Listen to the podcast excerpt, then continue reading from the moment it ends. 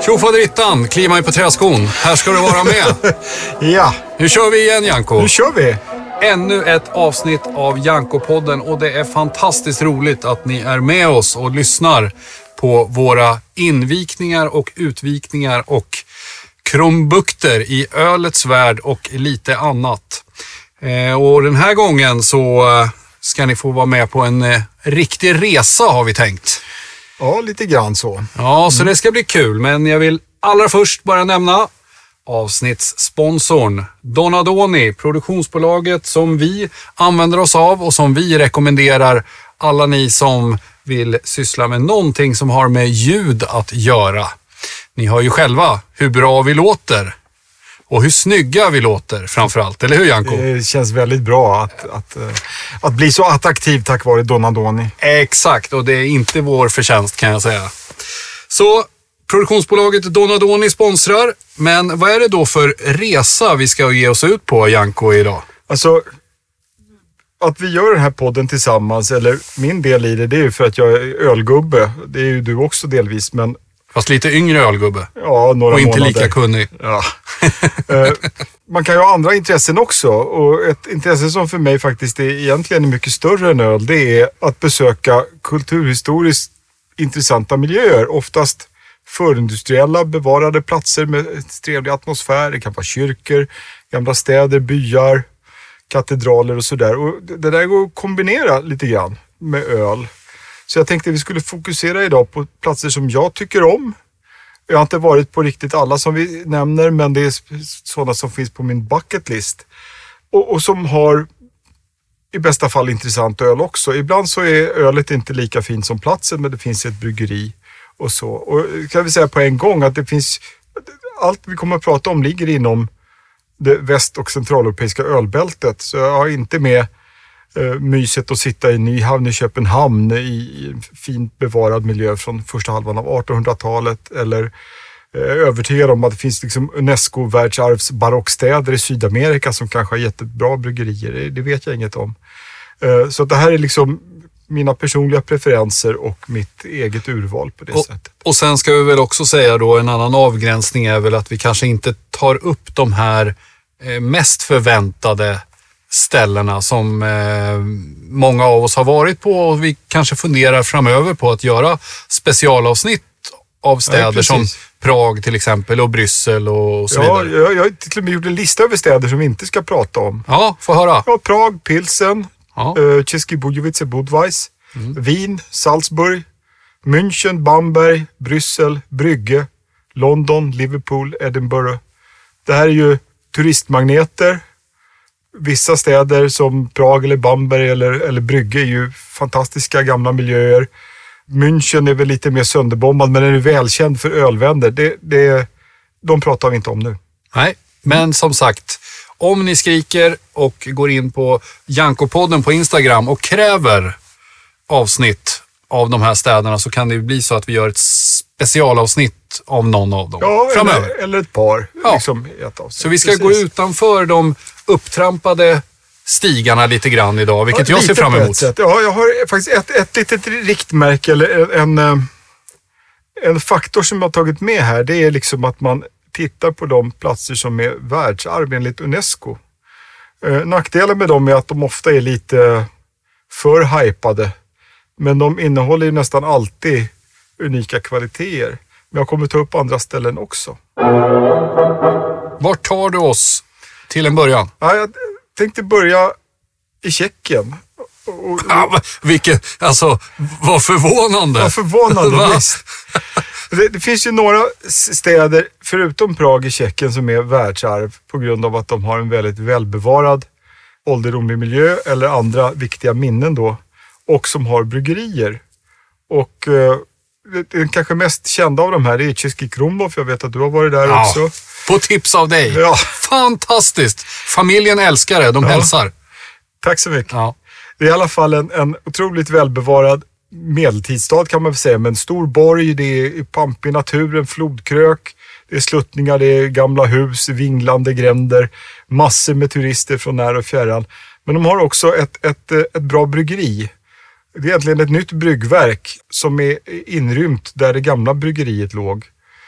I utkanten av, av den medeltida stadskärnan. En fin, fin ölhall där också. Riktigt bra klassiska tjeckiska öl och en, en eh, i alla fall om man inte åker dit på sommaren. Jag vet inte hur det blir nu efter pesten och så, men en, en fantastisk eh, sagoboks eh, medeltidsstadsmiljö på det sättet. Ja, vi hyrde en sån här gummibåt som man kan åka i med familjen. Ja. Men det var lite oklara instruktioner. De ja. var inte så tydliga med var man skulle stanna till. Okay. Så vi hamnade långt bortom stadskärnan och ja. borta vid någon campingplats där. Men det okay. var inga problem sa de. De var Nej. väldigt glada att vi ringde bara. De flesta lämnade bara båtarna tydligen. Okay.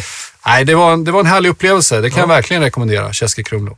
Ja, för både staden och ölet. Ja. Lite minus för turisttrycket där. Ja, det var det. Det var otroligt eh, hårt tryck. Om ni tänker ja. Gamla stan när det är som värst på sommaren. Ja. Ibland lite så kändes Precis. det. Men, eh, men värt det ändå tycker jag. Absolut. Det, här ligger då kanske 15 mil söder om Prag. Mm. Eh, vid foten av, av Böhmerwald, gränsbergen mot eh, Österrike och eh, en bit mot Bayern också. Så att man kan kombinera Český Krumlov med med besök i grannländerna också. Eh, en annan stad som är liksom ännu mindre och mycket lugnare, även om det finns en del turister där också, den heter Telch. Och den ligger på Böhmiskmärska höglandet, man kan säga i eh, mitt i södra halvan av landet. Och det är en sån där stad som eh, verkar ha varit i Törnrosasömn sedan 1500-talet. Det är ett fantastiskt torg med enhetligt med renässansfasader och arkader, ett fint slott. Inte alls samma kuperade natur utan det är mer platt med lite karpdammar runt om och så. Där har inte funnits ett bryggeri på länge, men det finns två små craft breweries idag. Ett som heter Trojan och ett som heter Pansky som ligger utanför stadskärnan. Jag har provat öl från ett av dem, men jag, jag kommer inte ihåg det och det brukar betyda att det inte var något jättemärkvärdigt. Men det är en besöksvärdsplats och det finns lokalt öl om man vill det också. Vi ska säga det att eh, ni som sitter och, och, lyssnar på det här eller står eller springer eller vad ni nu gör, att vi kommer att lägga ut de här eh, orterna på eh, Instagram också. På Jankopoddens Instagram. Eh, vi kanske inte gör ett inlägg direkt per per ställe, men vi kommer att samla det på något sätt. Så ja, att ni får en liten, i alla fall. Ja, så ni får en mm. liten lista och kanske några bilder därifrån. Ja, så det, har jag sagt det, så att ni inte behöver anteckna ja. här och nu. Utöver då Prag och Český Krumlov Hotel så är även en stad strax öster om Prag som heter Kutna världsarv. Uh, och det här var under medeltiden Europas mest betydande gruvstad. Mm. Silvergruvor. Det finns bland annat en pampig katedralliknande kyrka från senmedeltiden och flera andra fina kyrkor och, och byggnader. Där fanns det ett bra bryggeri, regionalt bryggeri som het, bygger ett öl som heter Dachitski. Det här bryggeriet köptes så småningom av eh, Heineken och lades ner. Men de har blåst liv i det igen, inte Heineken utan en annan aktör då och döpte till Mjeścianski pivovar. Alltså det är ett nytt bryggverk fast i det gamla bryggeriet, ungefär som i Český Jag har inte provat det. Men det är en besöksvärdsstad, den ligger nära Prag och de har ett lokalt öl igen ska jag väl säga. Eh, något som är ganska välkänt även bland svenskar som åker till Tjeckien, det tror jag är det här eh, ossuariet, benhuset, eh, någon halv mm. mil öster om stadskärnan vid klostret Sedlets. Alltså eh, dekorationer av eh, eh, skelettdelar från människor. Just det. Mm, från 1600-talet. Mm. Sen det finns ju utöver de här platserna ett 40-tal städer i Tjeckien som som är klassade som stadsreservat. Eh, det är i princip då städer som är exceptionellt bevarade när det gäller oftast då sin förindustriella struktur. Det finns några undantag. Det finns några eh, så här militära garnisonsstäder. det finns någon kurort och sådär. Men de flesta är liksom med lite stadsmurar, stadsportar, något rådhus, gränder och fina torg och sådär. Och vissa av dem har ju bryggerier också. Jag vill nämna två som båda ligger i södra Böhmen som har kvar sina regionala bryggerier. Jag brinner ju särskilt för de tjeckiska eh, lite äldre regionala bryggerierna och en stad som råkar då vara den staden min mor växte upp dessutom, den heter Trebon och ligger inte så långt från Český Krumlov faktiskt, fem mil. En helt annan natur, lite mer som Telch, att det är plattare runt med karpdammar. En ganska lantlig trakt, eh, inte mycket industri och så. De har ett, ett eh, ganska välkänt regionalt märke som heter Regent eller Bohemia Regent. Fint torg, eh, murar, slott och eh, flera ställen där man kan öla. Men kan inte du, eh, du nämnde karpdammar här igen. Ja. Jag vet ju att du gillar ju karpdammstömningar. Ja, det Vad är underbart. det? Kan inte du berätta för lyssnarna om Alltså, det? i, sö södra, I södra Böhmen, alltså södra delen av västra Tjeckien, så, så var det mycket sumpigt från början. Det är högplatåer eh, med lite taskig avrinning, Eh, så de blev ganska sent befolkade. Eh, alltså först egentligen på allvar från 1300-talet och framåt. Det fanns lite bosättningar tidigare. Och då behövde man dika ut de här kärren när det skulle anläggas byar och städer. Samtidigt så fanns det då på den katolska tiden en, eh, ett behov av produktion av fastemat. Man fick ju inte äta kött under stora delar av året och, och fisk var ju tillåtet. Så man började odla fisk i de här dammarna. Hur just karpen kom dit, om det har med Marco Polo att göra eller så, men den, den är ju från Kina från början, men den etablerades som eh, kyrklig fastemat i de områden från östra Frankrike och österut som låg för långt från havet för att eh, kunna ta del av den här sillhandeln som framförallt kanske Skanör och Falsterbo i nuvarande Sverige, dåvarande Danmark var. Det var inte från på. Karpaterna då? Nej. Som den... Ja, förlåt. Inte ens Ursäkta. från Göteborg, det gör Nej, inget. nej, förlåt. Hur som helst, de där det är ju kan man säga konstgjorda sjöar som är ganska grunda. Och eh, de där ska ju då eh, fiskas ur och när man gör det så tömmer man den på det mesta av vattnet. Och eh, det finns urgamla traditioner kopplade till det här och det, det är ju folkfester idag. Och eh, den by som vi brukar besöka, där finns det en liten kooperativt ägd damm. Den är pytteliten. De flesta dammar är ju många hektar stora, men här är ja, eh, nästan på skoj kan man säga. Och, och då har jag varit nere några gånger eh, tillsammans med barnen i vissa fall också, eller vissa av barnen på karpdammstömningar. Då har de, sätter de upp ett öltält och de serverar eh, ja, enklare förtäring. Ibland så är det någon dragspelare eller musiker med där. Och eh, det börjar ju tidigt på morgonen så att eh, jag har sett fantastiska scener av, av eh, folklig glädje utspelas eh, i höstlikt landskap. Jag gillar, jag gillar omskrivningen. Ja, precis. Jag har själv varit del av det också Ja. faktiskt. Eh, Så, men det, det är ja, När sker det här då? på hösten. På hösten? Ja, det kanske oktober Ja. oftast. Och eh, något som är, hör till som är mest spännande och ofta fortfarande genomförs, det är att man natten före själva utfiskningen, då har man ju påbörjat tömningen av dammen dagen innan. Då ska, ska dammen vaktas. Och då är ofta ungdomar eller ungdomar i vår ålder, det kan vara lite olika, som avlöser varandra under natten. Så sitter man där runt lägerelden och så provar man kanske te med slivo, dricker lite öl, berättar skrönor. Och jag får alltid en rysning längs ryggraden. Jag tänker att det här har de gjort liksom sedan medeltiden. Suttit och vaktat dammen. Ja. Eh, Exakt. ja, väldigt trevligt. Ja, en liten utvikning, men jag Ja. tycker det låter så härligt. Det är mycket härligt. Mm.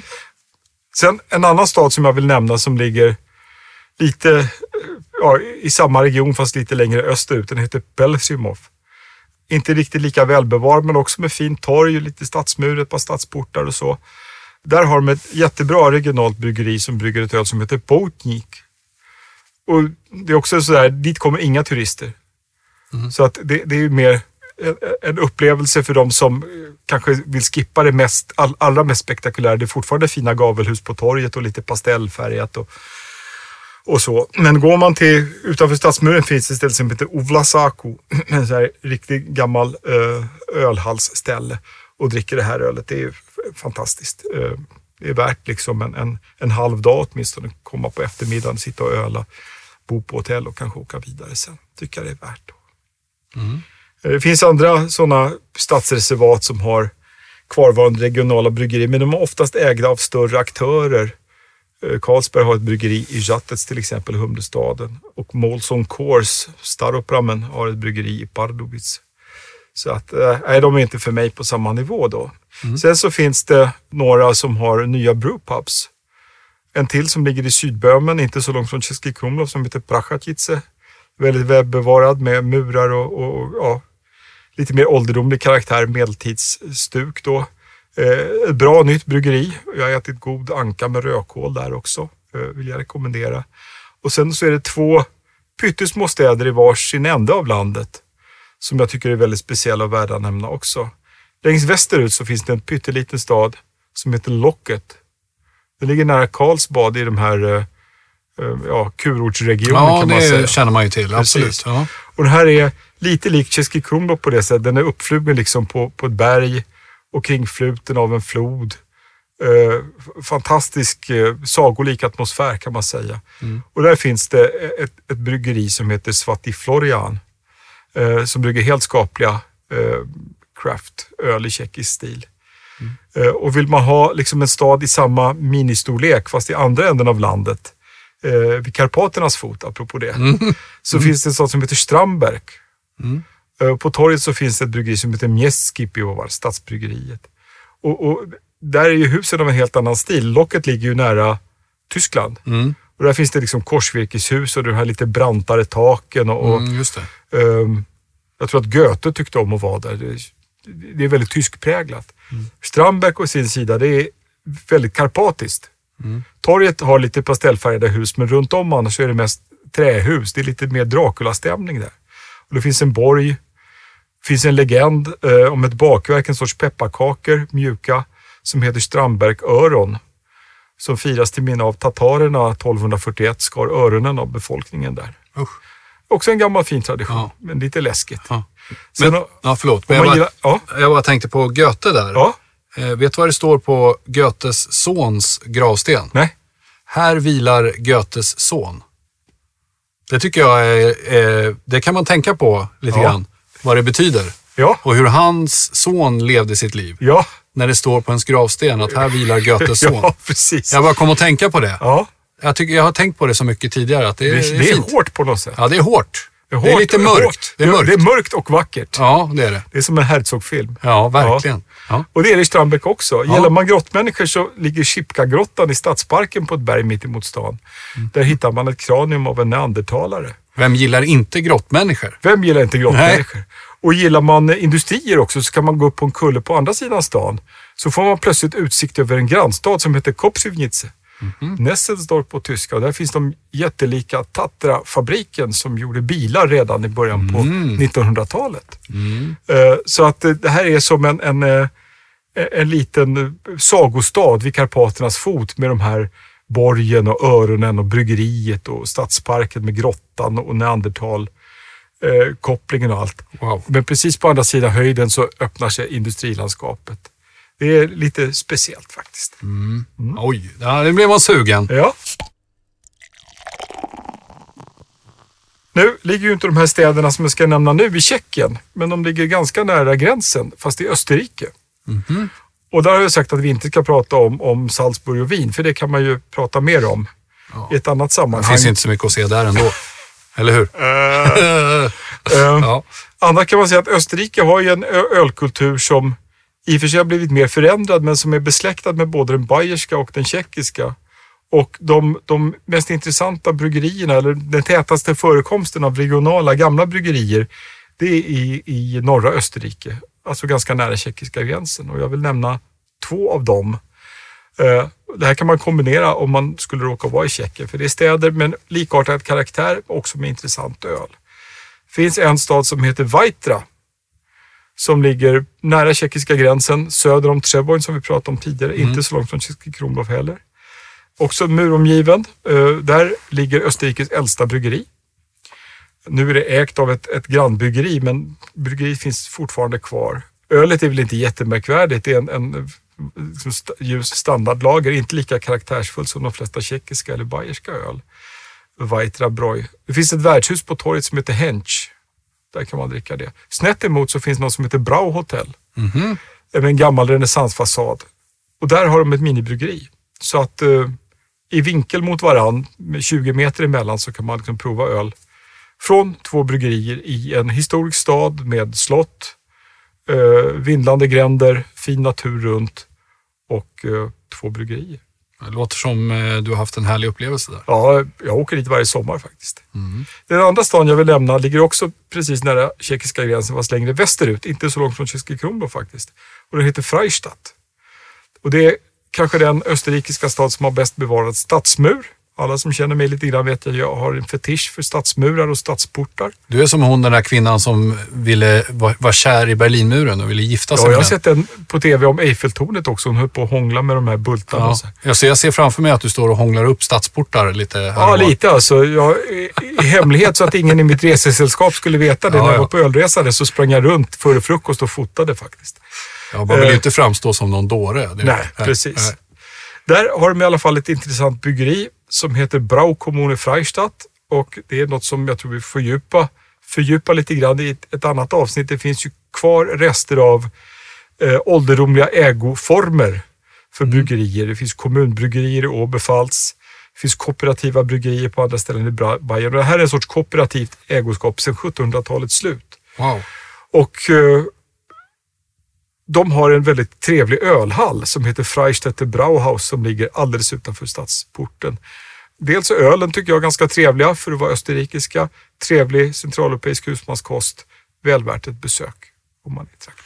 Centraleuropeisk husmanskost rent generellt Ja, tycker jag. Vi gillar ju att dra lansar här. ja, Skulle jag vilja dra en lans för. ja, Jag tycker att den är otroligt underskattad. ja. måste jag säga, bland gemene man i alla fall i Ja. Sverige.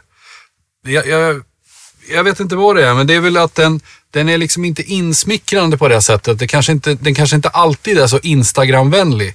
Om du förstår vad jag menar. ja det är, Men otroligt vällagat, eh, generösa portioner, eh, välsmakande måste jag säga. Mm. Men det är ingenting som man, alltså om du förstår vad jag menar, det är ingen färgfest ofta. Nej, nej. Precis. Det kan vara rödkål till ankan som du nämnde, men Ja. annars så är det, det är lite beige och lite Ja, ljust och lite sådär. Ja. Men otroligt härligt Visst. tycker jag. Nej, för mig hör det till, jag har ju- väldigt liksom specifika matvanor på det sättet. Alltså det, det, jag har kommit på vid något tillfälle att liksom, den mat jag föredrar, förutom det bästa förstås från den nordiska och eh, i viss mån kanske öster om Östersjön också. Men annars så är det en ellips som i, i princip innefattar Frankrike, norra Italien, södra Tyskland, Tjeckien, Österrike, Ungern. Vad äter du helst då när du kommer till de här eh, krogarna som du nämner här nu i, i Österrike, vid gränsen till Tjeckien? Ja. Kan du nämna ett par favoriträtter? Alltså, det som alla tycker är deras liksom, mest typiska mat, det säger de vart man än kommer. Det är fläskstek med surkål och knödel. Ofta så är det, det kan vara bobladstek i bästa fall, ibland så är det karré, eh, skinkstek. Eh, och knödlarna kan vara potatisknödel eller brödknödel. Surkål, ibland kålsallad. Eh, schnitzlar i alla former, panerad blomkål, panerad svamp, panerad ost, eh, kyckling, eh, fisk ibland. Eh, framförallt i de här Karpdalsregionerna finns det ju fiskrestauranger. Många svenskar tycker att det är svårt med karp, men man kan beställa annan fisk också. Jag har ätit mal till exempel. Det låter skumt, men det är Även karp är gott när man får en färskfångad och panerad. Eh, anka som du nämnde med rödkål är en fin historia. Eh, man i Österrike så ska man äta tafelspitz om de har det. Det är någon sorts eh, lyxvariant av eh, pepparrotskött kan man säga. Mm, Jag har ju en, nästan en, ja, jag vet inte, jag kan få sådana cravings för leberkäse. Ja. Som jag tycker är svårslaget.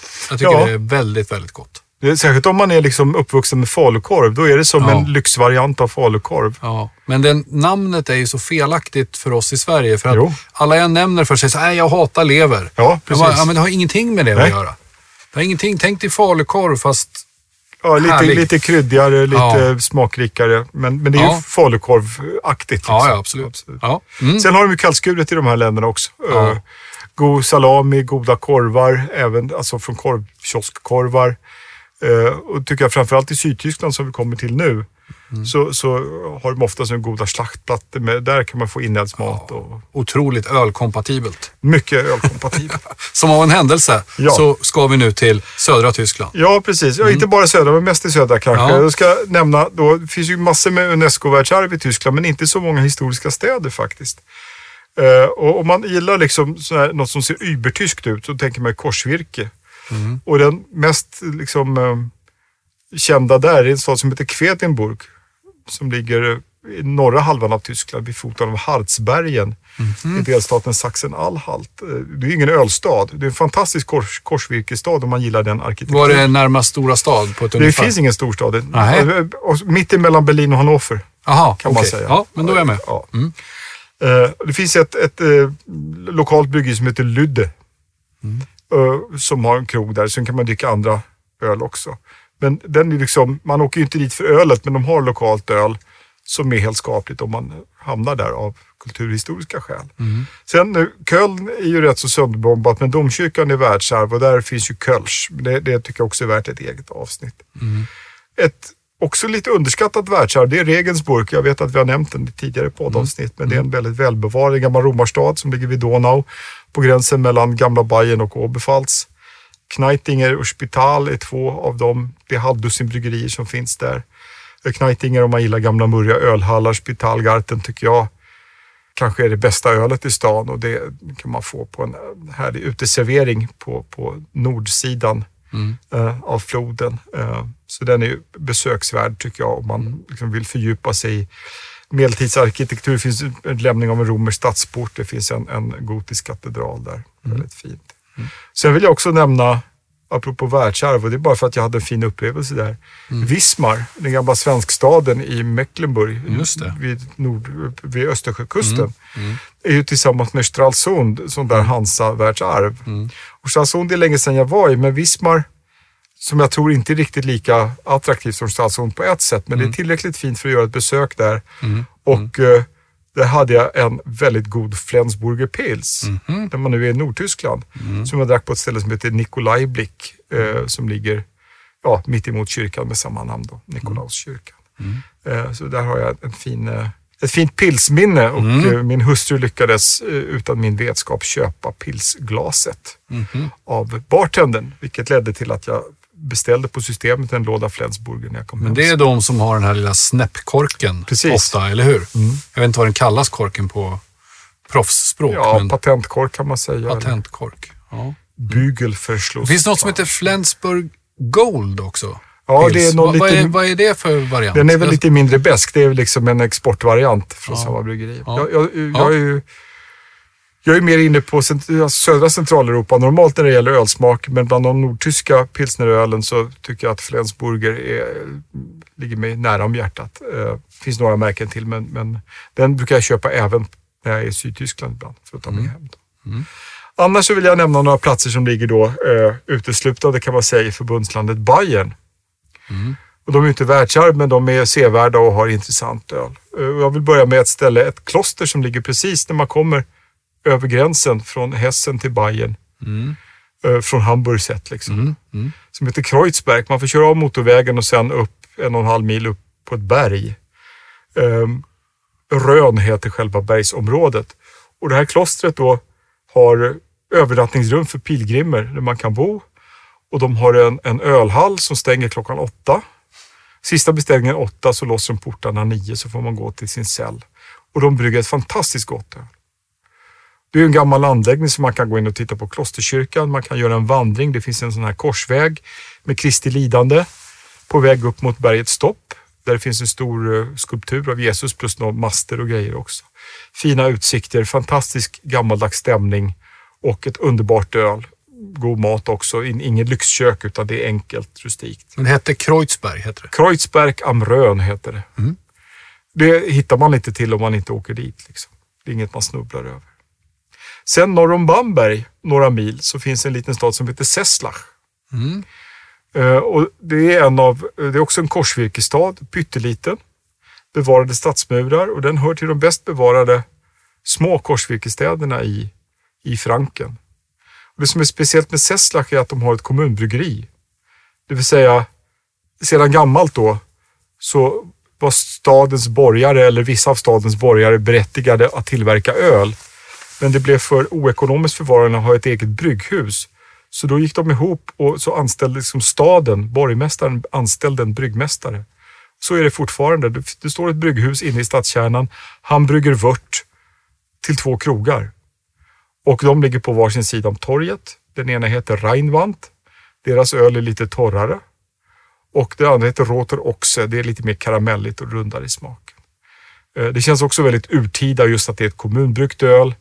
Eh, Båda de här krogarna är korsvirkeshus. Det är också en liten sagostad. En Är det lite mindre krogar så? Alltså, är det så som att komma hem till någon? Eller är det... Nej, det är inte riktigt Nej. som att komma hem till någon, men det, det är väl standardstorlek. Alltså, Ja. de, de, de är ju de hör, hör till den mindre halvan absolut, men inte hål i väggen på det Nej, sättet. nej, okej. Utan det är som eh, mindre gästgiverier. Eh, De är ofta ganska vidlyftigt byggda i Bayern normalt sett. Sen en annan som är turistfälla i, i Fränkische Schweiz, öster om Bamberg, heter Pottenstein. Och det ser ut som en saga. Det är, också, det är en huvudgata med korsvirke. Ovanför är en borgruin. Det här Fränkische Schweiz heter ju så för att eh, trakten är full av såna här eh, eh, kalkstensklippor och stup och grottor och sånt. Och det finns i omgivningarna här också. Häftigt. Mycket. Och det finns två bryggerier kvar. Eh, Ett som heter Mager, det har varit eh, med länge. Och ett som heter Hofeisen, som är lite yngre då. Men båda brygger typiska kalkstensöl, alltså väldigt mörk eh, lager. Jag tänkte om Mager, om de bryggde lättöl. Lättöl, ja, precis. Ja, ja, jag, jag känner att jag är lite för förväntad i mina Ja. ordvitsar. Men, men. ingenting, vi älskar det Jag vet, ändå. folket älskar det. Jag Ja. vet det. Ja. Men det är i alla fall en besöksvärd plats. Lite mer av en turistfälla. Eh, intressant öl som är typiskt frankiskt. En fin ålderdomlig miljö. Om man går över gränsen till Oberpfalz, som alltså ligger öst mellan Franken och Tjeckien, så finns det en stad i sydvästra Oberpfalz som heter Berching. Och den, den är också den ligger utanför korsvirkesbältet, så där är det pastellfärgade äldre hus. Påminner mer om Tjeckien på det sättet. Fint bevarade stadsmurar och två bryggerier. Det finns ett på huvudtorget som heter Winkler och ett i en liten förstad muromgärdad som heter Schuller. Där man kan bo också. Fantastiska platser. Väldigt lite turister. Tycker jag också är värt, liksom, om man gillar att promenera i gammal miljö, eh, pastellfärgade gamla gavelhus. Man kan gå på delar av stadsmuren, prova öl från två bryggerier, kanske bo. Man kan bo på Winkler också, men Schuller ligger mig närmare om hjärtat. Så. Om vi är kvar i Oberpfalz så måste man ju nämna något ställe där det finns Teugel. Alltså som byggs på kommunbryggerier men då, som då byggs, eh, kanske inte hemma hos folk, för det är hemma hos folk, fast det är som utbyggda Mm. serveringsdelar Liksom i ba- deras hem. bakfickor. Liksom. Bakfickor på det sättet. Och det finns ju platser med fler Zeugelställen, men, men det tycker jag mest attraktiva om man gillar ålderdomliga miljöer, det är en, en liten köping som heter Falkenberg, ungefär som stan i Halland. Och där finns det ett kommunbryggeri bevarat. Ligger nedanför en borg som ligger på en klippa. Fantastiska höjdskillnader inne i Köpingen. Borgen är speciell dels för att den är eh, liksom fin, ser spännande ut. Den är ombyggd till hotell om man vill bo där. Och eh, en som bodde där före andra världskriget, han hette Friedrich Werder Graf von der Schulenburg. Han var med attentatsmännen mot Hitler. Mhm. Annars när jag varit där så har jag bott på ett annat ställe som heter som Goldenen Stern på torget. Och där får man då titta på internet vilka Zeugelställen som är öppna. För oftast så är de ju inte det. Det finns tre stycken. Ett som heter Kramer Wolf, ett som heter Schwarzhansel och ett som heter Wolfadel. Och de här ligger alltså inom en spottloska ifrån varandra. Krypavstånd. Ja, ännu mindre. Rullavstånd. Oj. Eh, Fantastiska ställen allihopa. Goda, rustika, enkla, ursprungliga lageröl och eh, ja, riktigt fin plats. Eh, Skulle det vara stängt överallt så finns det en vanlig krog också som heter som Roten Oxen. De har inget märkvärdigt öl där. Men eh, det sägs vara en av de mer ålderdomliga krogmiljöerna i Oberpfalz. Med gamla träbjälkar i taket. Och, och, och det räcker långt. Det räcker långt. Ja. Sen vill jag nämna några platser i södra Bayern också. Det finns en, en speciell arkitektonisk stil som kallas för in-saltsackstilen. Den viktigaste handelsvaran i det här området var salt. Salzburg heter ju så för att det fanns saltgruvor i Alperna ovanför stan. Och, eh, I trakten av Salzburg, på båda sidor om gränsen, så finns det en rad gamla städer som liksom har levt på salthandel. Och de har en speciell arkitektur med ofta lite kantiga pastellmålade hus. Ser väldigt rustikt och gammaldags ut. Och i vissa av dem finns det bryggerier.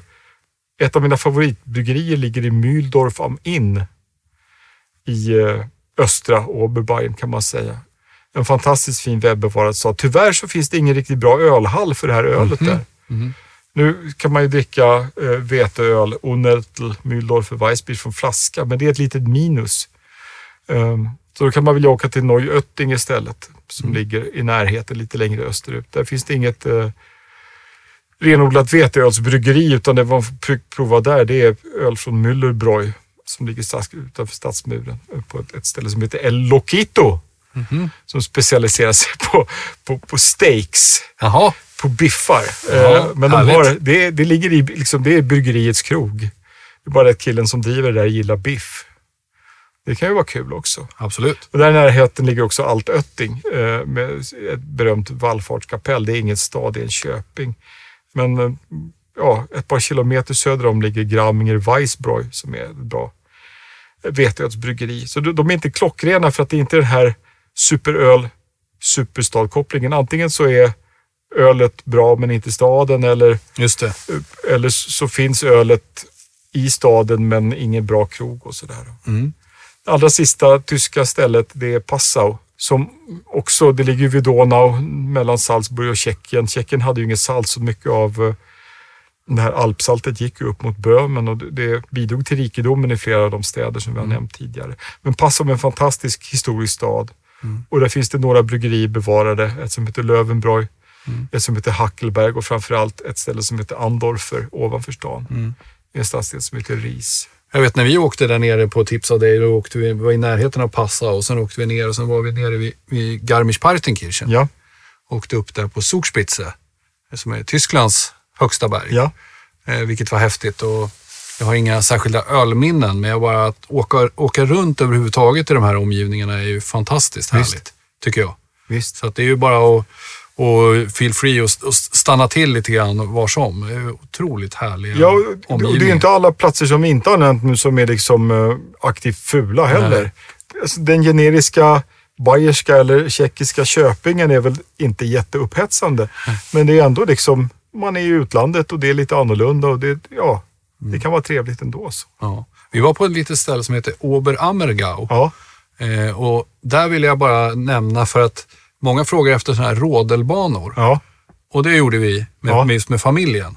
Och det är, måste jag säga, en av de häftigaste sådana attraktionerna som jag har gjort. okej. Det är otroligt Ja, väl... åkte du då, eller? Fick, ja, absolut. Jaha. Och det är ju som en mini, vad ska man säga, det är som en mini berg och dalbana.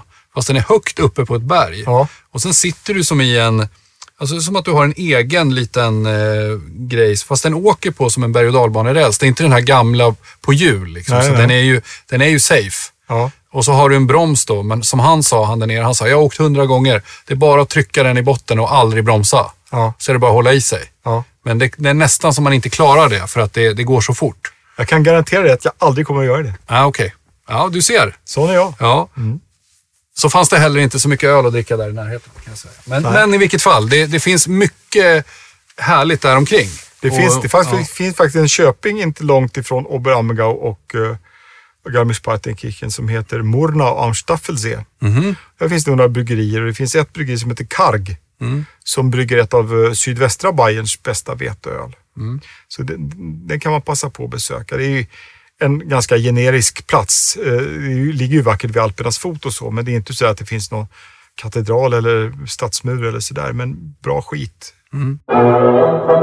Vart tar du oss vidare nu då? Jag tänker vi fortsätter till Belgien. Ja. Och då har vi sagt att vi inte ska prata om, om, om Bryssel eller Brygge. Som, alltså Nej. Bryssel som alla kommer till och Brygge som ju är liksom, kan man säga, västeuropeiska kontinentens bäst bevarade medeltidsstad. Den är liksom superkänd då. Mm. Jag har plockat fram några andra platser. Eh, Jag tänkte vi gör ett litet motursvarv. Mm.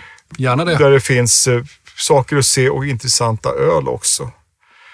Börjar strax öster om Bryssel i Löven. Och det är en stad med ungefär 100 000 invånare. Och den är Univers- universitetsstad va? precis präglad från 1425. Och det är liksom någon sorts... eh, Det är liksom Oxford eller Cambridge eller Uppsala eller så. Det är ett så bildningscentrum och det präglar staden mycket fortfarande. Och det var en, en boom där i samband med universitetets grundande på 1400-talet. Ett fantastiskt sengotiskt rådhus. Peterskyrkan, senmedeltida. Och det var under den här tiden inte bara liksom centrum för bildning utan också för konst. Och det finns ju förstås, som överallt i Belgien, ställen att öla på.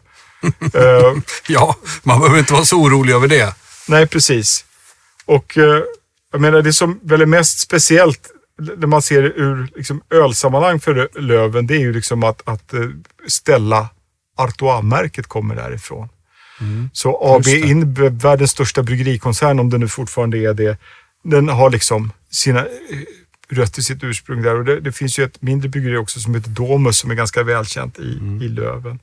Så att man kan vilja liksom ha det i åtanke ungefär mm. som man åker till pilsen, eh, mm. även fast det är liksom en utlandsägd eh, stor industri idag. Så det, det är ju ändå en ursprungsstad för ett känt ölmärke eller en känd... Kan man göra en liten pilgrimsfärd dit så kan man gå sju varv runt huvudkontoret då. Precis, det kan man göra. Ja. Mm. Så finns det några ölställen där. Det finns tydligen mycket barer runt uh, Gamla torget som, som i sig är bevarat. Men vill man ha ett sortimentställe som är mer typiskt för Belgien, det är ju inte i Belgien som i, i Tyskland eller Tjeckien att, att man besöker byggeriets krog eller sådär, utan det är oftast sortimentställen då. Eh, då är ett ställe som heter De Fire Marguerite som ska vara mest välsorterat där. Men jag tror att man kan hitta gott öl i Löven. Eh, så. Om man då förflyttar sig från Brabant, framländska Brabant, lite norrut i provinsen Antwerpen så finns det en stad som heter Mechelen. Mm. Den Gammal ju... fotbollslag också, som Kenneth Andersson, den gamla VM 94-hjälten spelade i Där ser man. ett tag. En liten passus. Känner jag inte till. Det är ja. lite mindre. Mm. Där finns ett bryggeri som heter Het Anker. Mm. De brygger Golden Carolus, ett ganska bland ölnördar välkänt ölmärke. En stark belgisk el med mycket karaktär. Eh, den lyfte kan man säga under senmedeltiden textilhandel. Det var ju mycket textilindustri i de här områdena på den tiden. Och det finns också en stadsport, Brysselporten, Rumboldskatedralen, det finns kanaler, en rad fina miljöer då och eh, eh, ett palats som nu är stadsteater, det sägs vara den äldsta renässansbyggnaden norr om Alperna. Mm -hmm. Så, eh, så det finns en hel del att se. Eh, fast den inte hör till Belgiens mest kanske välkända städer på det sättet. Mm. Och eh, Hetanker kan man, man kan besöka besöka bryggeriet. Men inne i stan så har de ett ställe som heter Dankertje an der Deile. Där man också liksom, det är deras ställe fast i stan. Och så har de ett, eh, det finns en annan eh, ölcafé som är liksom ofta rekommenderas som heter The Golden Fizz och ett tredje som heter The Hanekef. Mm. Så att eh, det är också en sån där ja, bra kombination av ofta senmedeltida. Det blir mycket så 14, 15, 600-tal i mm. Belgien. Mm. Vi har ju pratat om det lite tidigare i en tidigare avsnitt, men skulle du kunna säga vad som är lite specifikt med de här, eller speciellt eller unikt med de här ölcaféerna som de har i Belgien som vi inte hittar på samma sätt i Tjeckien eller Tyskland? Ja, man säga, det finns väl två kategorier som kan vara intressant att besöka. Det ena är de här sortimentställena som har liksom 50 eller 100 eller 200. Alltså då kan man liksom på ett ställe en fördel om det är trevligt att vara där också, botanisera sig igenom en stor del av Belgiens eh, ölsortiment. Men sen så finns det lite folkligare ställen då som kanske påminner mer om de här centraleuropeiska och brittiska pubbar som kallas för bruna kaféer. De var ju ofta inrökta förut och de kanske har 20 märken. De har också ganska mycket, 10-20 märken. Men där får man mer av den här folkliga, rustika stilen. Och lite enklare inredning. Ja, ja det är trä, ja. träpaneler, ja. trästolar. Mm. Så, det är inga lyxställen på det sättet, utan det är, vill man ha det här arbetarställen, folkliga, då, då är det de som gäller. Ja, och en grej jag tänker på, vi har ju nämnt det också i, i tidigare poddar, det har ju haft frågor om glas och så vidare. Och det är ju verkligen något jag förknippar med, med Belgien, ja. att du får ett speciellt glas för respektive varumärke. Just det. Nästan. Ja. Mm.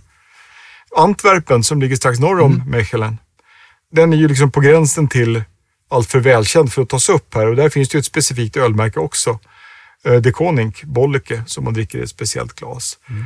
Det här är ju en jättestad eh, i jämförelse med de andra. Det är ju en dryg halv miljon invånare och eh, man brukar säga att på 1500-talet så var det världsekonomins huvudstad. Mm. Så den har ju otroligt pampiga byggnadsverk från senmedeltid och framåt under en period där. Den är inte lika helgjuten som Brygge, men tillräckligt för att det ska vara värt att besöka. Men jag tror Antwerpen, det känns som en stad som man känns som man borde ha varit i och som många pratar om, ja. men få verkligen har besökt. Så kan det, det är vara. min gissning. Alltså har man inte varit där så tycker jag man definitivt ska åka dit. För där finns det gott om trevliga bruna kaféer. Plus några riktigt välkända sortimentställen också då. Uh, och som sagt, stadskärnan är tillräckligt fin så att en sån fetischist som jag ska få ut något av, av det också går runt ja. där. Bland.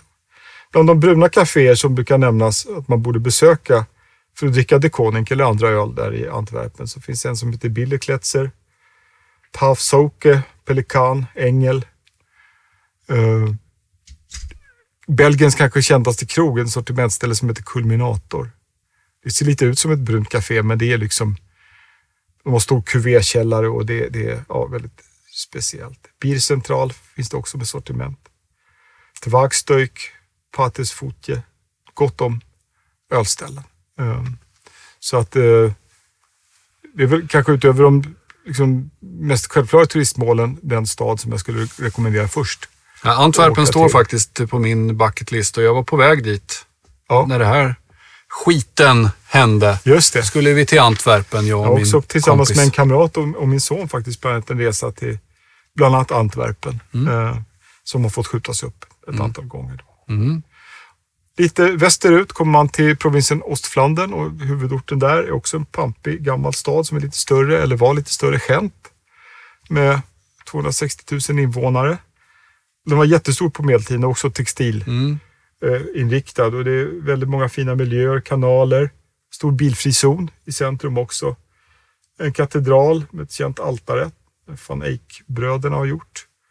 Och eh, ja, många kyrkor, beginage, det fanns en sorts eh, halvnunnor som kallades för beginer som vanligt i, i Nederländerna som, som hade som kloster kan man säga. Jo, jo, men kan man dricka öl i Gent? man kan dricka öl i Gent. Ja, De- upplys mig. Ja, precis. Alltså de har ju, det, det det de gärna framhåller idag det är att det, det fanns ju, innan humlen blev vanlig så, så byggde man grotöl. Alltså med andra örter och kryddor i eh, norra delen av Västeuropa och Nordtyskland kan man säga. I det området. Och där, det finns ett, ett, ett bryggeri som, eh, som gör det och som har en servering också som heter Schrot. Så det är ju förstås värt att besöka. Men det finns andra ställen också och bland de som oftast nämns det är det Dölle Schritt, ett som heter Waterhuis an der Bierkant och ett som heter Vilket vackert namn. ett Dröppelkott. Ja, jag tycker de flesta framlands, eller nederländska namn är, är fina. Ja. Så, så att eh, Gent låg faktiskt med i min resplan eh, som inte blev av nu också då. Nej, men snart så. Snart så. Ja. Västra Flandern sen. Eh, då hoppar vi över Brygge, men vi åker till Kortrijk. Mhm. Som ligger, kan man säga, i södra delen av Flandern nära gränsen till Frankrike. Mm. Och Kortrijk har lite, ja, det är lite mindre, och runt 80 000 invånare. På medeltiden så var det lin och ullstad också. Textilinriktad så här. Mycket medeltidsarkitektur också. Där ser det eh, en stor bilfri zon i, i centrum som är trevlig att gå runt i. Eh, Rådhus från medeltiden. Beffroi, det betyder vakttorn egentligen. De, det är ju platt där i Flandern. Så att för att kunna se fienden komma så byggde man höga torn då för att kunna spana ifrån. Faktiskt som Svarta tornet i Bujovic. Du ser, halka in på Sydbömen. Mm, du ser. Ja. Det är svårt. Det är som Precis. en gummisnodd som bara drar dig tillbaka. ja, Ja. det finns några delar av stadsmuren med några försvarstorn där vid floden Leje också. Fina kyrkor och kloster där med. Det, det, ingen, det finns ju inget känt bryggeri eller så där. Det är liksom ingen känd ölstad på det sättet. Men Staminé Boulevard och Fontainebleau är två sådana ölcaféer som man ska besöka där. Något som jag tror kan vara ännu pampigare på det sättet och nu kommer vi ner i den franskspråkiga delen av Belgien i, i, eh, i Vallonien. Och det här är en stad som heter Tournai. Och den, den är inget UNESCO-världsarv men katedralen i Tournai är eh, världsarv och det här försvarstornet Befroan. Det är det äldsta av de som finns där. Jag har inte varit där men det ser otroligt pampigt ut på bilder. Grand Place, katedralen. Annars, det här hör ju också till storstadsområdet där runt Lille i norra Frankrike. Så att, eh, och befolkningen där pratar tydligen inte vallonsk franska utan pikardisk franska som de gör på andra sidan gränsen. Så det är kulturellt lite speciellt då. Också textilstad. Det finns en, en, en gammal sån här textilsaluhall från äldre tid då och eh, även hus i jugendstil. Alltså förra sekelskiftet 1800-1900 blandat med det medeltida. Så. Och det är inte heller liksom en, en känd bryggeristad att de skulle göra något specifikt eh, öl där, men det finns ett brunt café som rekommenderas som heter Le Mille Paumé. Mhm. Dit skulle jag gå om jag åkte till Tournai. Och dricka öl allt vad tygen håller Precis. i den gamla textilstaden. Ja, Ja, men det låter mysigt. Det Sist- står på din bucketlist. allt det här står på min bucketlist där jag Ja. inte har varit då, som Ja. Antwerpen och Brygge och, och sådana ställen. Då. Ja, Hainaut heter eh, den eh, regionen eh, Mm. som Tournai ligger i. Den sista platsen jag tänkte nämna i Belgien Mm. ligger också i Vallonien i en annan provins som heter Namur. Och den heter Dinant. Och den är den minsta av de här platserna. Det är drygt 10 000 invånare. Och eh, det som har speciell ölanknytning där det är att klostret Leff ligger i Mm. stans utkant. Och eh, Kan vi bara stanna där? Ja. Eh, Man säger Leff, eller hur? ja, om man är fransman, Ja. Men vad säger alla i Sverige? Leffe. Leffe. Det Ta en Leffe. Det står Leffe. Det står ju Leffe. Ta en Leffe och två Precis. sugrör tack.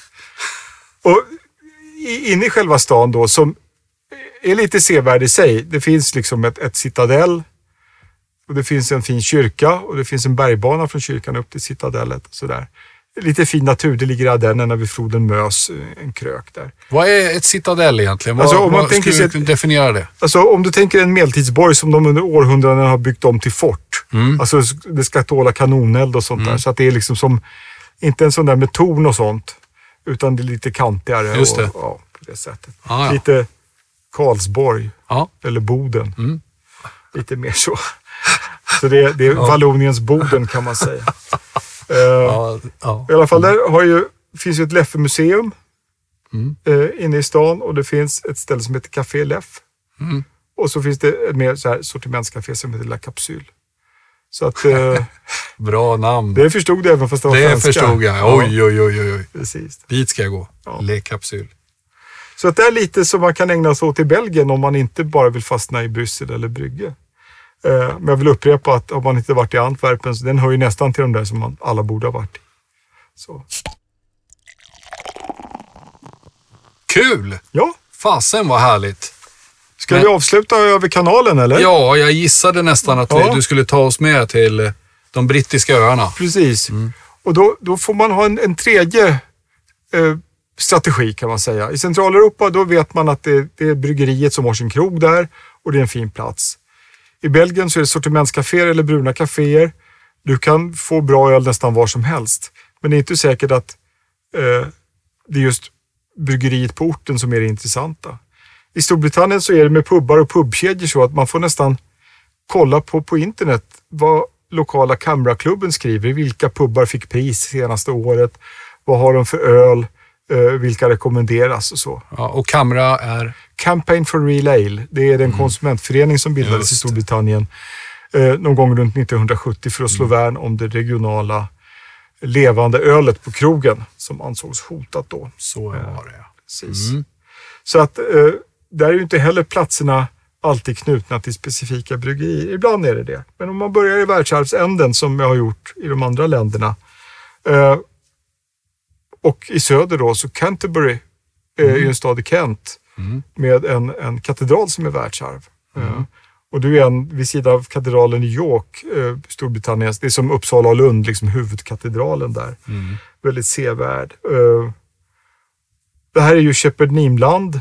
Um, det finns ju andra bryggerier i trakten också. Uh, men man kan förvänta sig ganska humlepräglad öl. Kent är ju en region där det har un- odlats humle under lång tid. Då. Och, uh, bland de pubbar som rekommenderas där så finns bland annat Unicorn och en som heter Eight Bells. Men som sagt, det här skulle jag kolla upp. Om det dröjer två år innan man åker, vad är det som gäller i Canterbury i så fall? Om man åker västerut i trakten av Bristol så finns en stad som heter Bath. Mm. Som, hörs Bath. på, som det hörs på namnet så är det en kurort. Och den är präglad av liksom, kurbyggnader från 1700-talet. Det är skitsvårt att hitta där. Jag kan tänka mig det. Ja. Ja. Jag har inte varit där. Nej, 1990 var jag där. Ja. Mm. Vad är det som gör det svårt att hitta? Nej, ja, förmodligen så är det inte svårt att hitta. Men jag gick vilse där med en kamrat som heter Anders. Vi var på fotbollsresa och bodde ja, utanför, eh, lite längre utanför. Men då var det några föräldrar som var med som givetvis ville att vi skulle åka förbi Stonehenge. Ja, Och så skulle vi besöka Bath. just det. Och vi, vi var ju 16 år och vi, vi tyckte det var värdelöst. Ja, Så.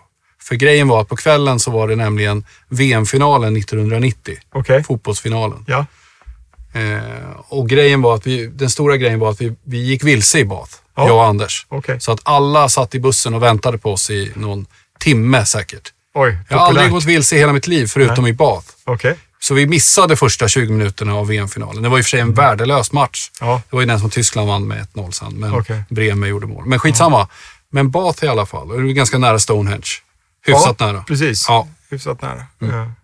Hur som helst, där finns ju ett eget bryggeri. Det finns en mikro som heter The Bath Brewhouse. Mm. Eh, Men det finns också pubbar där om man nu vill åka Mm. dit för den här badmiljöns skull. Bell, Old Green Tree, Star, Raven med flera. Det finns flera bra bryggerier i trakten. Flera bevarade regionala bryggerier i västra halvan av södra England. Så att eh, de kan nog förekomma på de här pubbarna. Om man åker till Wales sen, i norra Wales, så finns det en stad som heter Conwy som är världsarv. Uh, Walesarna själva är kluvna till den här stan för att den är var liksom en, en saxisk eller engelsk eh, sån här maktstation. Mm. Min hustru och son var där för ett par år sedan och de träffade folk som sa att de aldrig skulle sätta sin fot, fot på borgen där för att den var liksom engelsk. Fast de bodde där. Ja, fast de bodde där. Wow. Det var liksom kolonisatörernas borg. Det är i alla fall en fin medeltidsborg, det är fin stadsmur runt det. Eh, lite speciellt med det walesiska för man ser ju allt tvåspråket och sådär. Och på ölsidan, det som är kanske mest intressant när man väl är där, det är ett ställe som heter Albion, Albion Ale House. Och det är fyra lokala nyare mikrobryggerier som, som äger den tillsammans och, och roterar det. Sen om man kommer upp då i norra England, eh, eh, Yorkshire, så finns det en ort som heter Salt där. Som grundades som ett mönstersamhälle 1851 av en snubbe som heter Salt, Titus Salt. Och det här, till skillnad från de flesta platser jag nämnt, det är så här 1400-tal och medeltid och romarlämningar och kanske som kurorten då i Bath. Men här är det alltså ett, ett, han byggde upp ett mönstersamhälle för industrialismens tid som är helt välbevarat då, och därför världsarv. Och, och där finns det ju ett eh, bryggeri som heter Salt där, som förekommer i Sverige också. Väldigt bra. Det är ett nytt bryggeri, men det är bra tolkningar av, av klassiska engelska öltyper. Så att det är värt att åka dit för det också. Och eh, det finns eh, flera andra pubbar som, som Camera nu rekommenderar. Fanny's Ale House. Och. Men Yorkshire, är det eh, gruvdistrikter? Så Yorkshire eller är ganska stort. Eh, man säger västra och södra Yorkshire är ju industri, tunga industriområden med städer Okej. som Sheffield och Leeds och, Ja, det. och, och, och Bradford och, Huddersfield och sådär. Mm. Men sen runt själva York, i nordöstra Yorkshire, där är det mer lantligt. Liksom. Just Det är så här he- hem till gården. Mm. Typ. Och i nordligaste England ska jag nämna Durham. Och det är en Mm. fantastisk katedral i normandisk stil. Jag åkte dit bara för den och inte för att öla. Men där är det mer att det finns ju intressanta pubbar där som överallt i England. Mm. Inte något specifikt öl därifrån Nej. som, som, som är sålt där. Bland de pubbar som just nu rekommenderas är det Bridge, The Old Elm Tree, Shakespeare och flera andra. Heter den Shakespeare eller Shakespeare? Nej, Shakespeare, The Shakespeare Inn tror jag den heter. Eh, och jag tror att flera av de här är hotell också, där man kan bo. Nu, nu är ju inte allt eh, Unesco som glimmar, så jag vill avslutningsvis nämna några ställen till i England som jag själv har tyckt mycket om att öla i. Och som ja, kanske inte ligger utanför allfarvägarna, men det är inte, det är inte London eller Liverpool i alla fall. Då. Och du var inne på Stonehenge där, jag vill nämna Salisbury. Mm.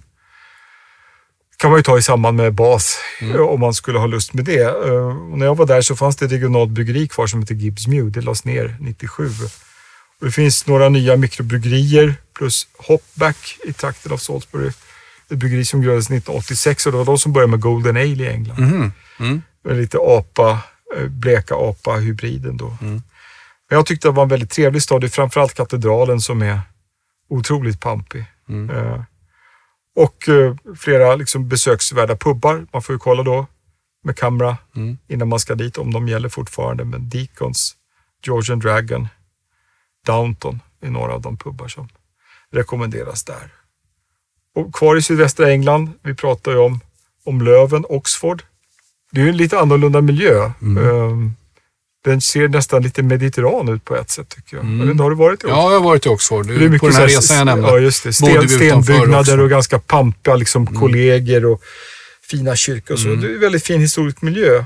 Och det ligger också liksom i en trakt där det finns eh, regionala bryggerier eller regionala märken. Och på pubbarna i Oxford, du kan få liksom Braxpear öl, Adnams, Witchwood, Fullers, Bath-öl också. Hook Norton, Green King, Youngs. Mm. Det är inte alltid från trakten.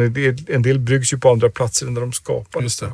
Lammen Flag är ett ställe som rekommenderas starkt i de senaste Okej. liksom, gångerna jag gluttat där. Jag var inte där, alltså det är ju säkert 30 år sedan jag var i Oxford nu. Mm. Då var det andra ställen. Jag blev faktiskt uppraggad där på ett ställe som heter Apollo Mhm. Av en man. Ja, Min hustru var med, så hon sa nu går vi. Jag, jag fattade ju ingenting. Jag tyckte det var, fan vad trevligt det var här. Och han berättade hur vi skulle gå hem till honom och göra steak and kidney pie och, Ja. och sådär. ja. Var det, någon, var det någon omskrivning för något annat? Jag vet inte, jag vet inte. Det här var ju under liksom värsta eh, HIV-skräckperioden. Ja. Och eh, han ville låta mig smaka ur sitt glas. Och då skrek min hustru nej. Jag fattar fortfarande ingenting, men hon fick förklara efteråt. Jag fattar. Det var i alla fall väldigt trevligt också. Ja, ja. Ja.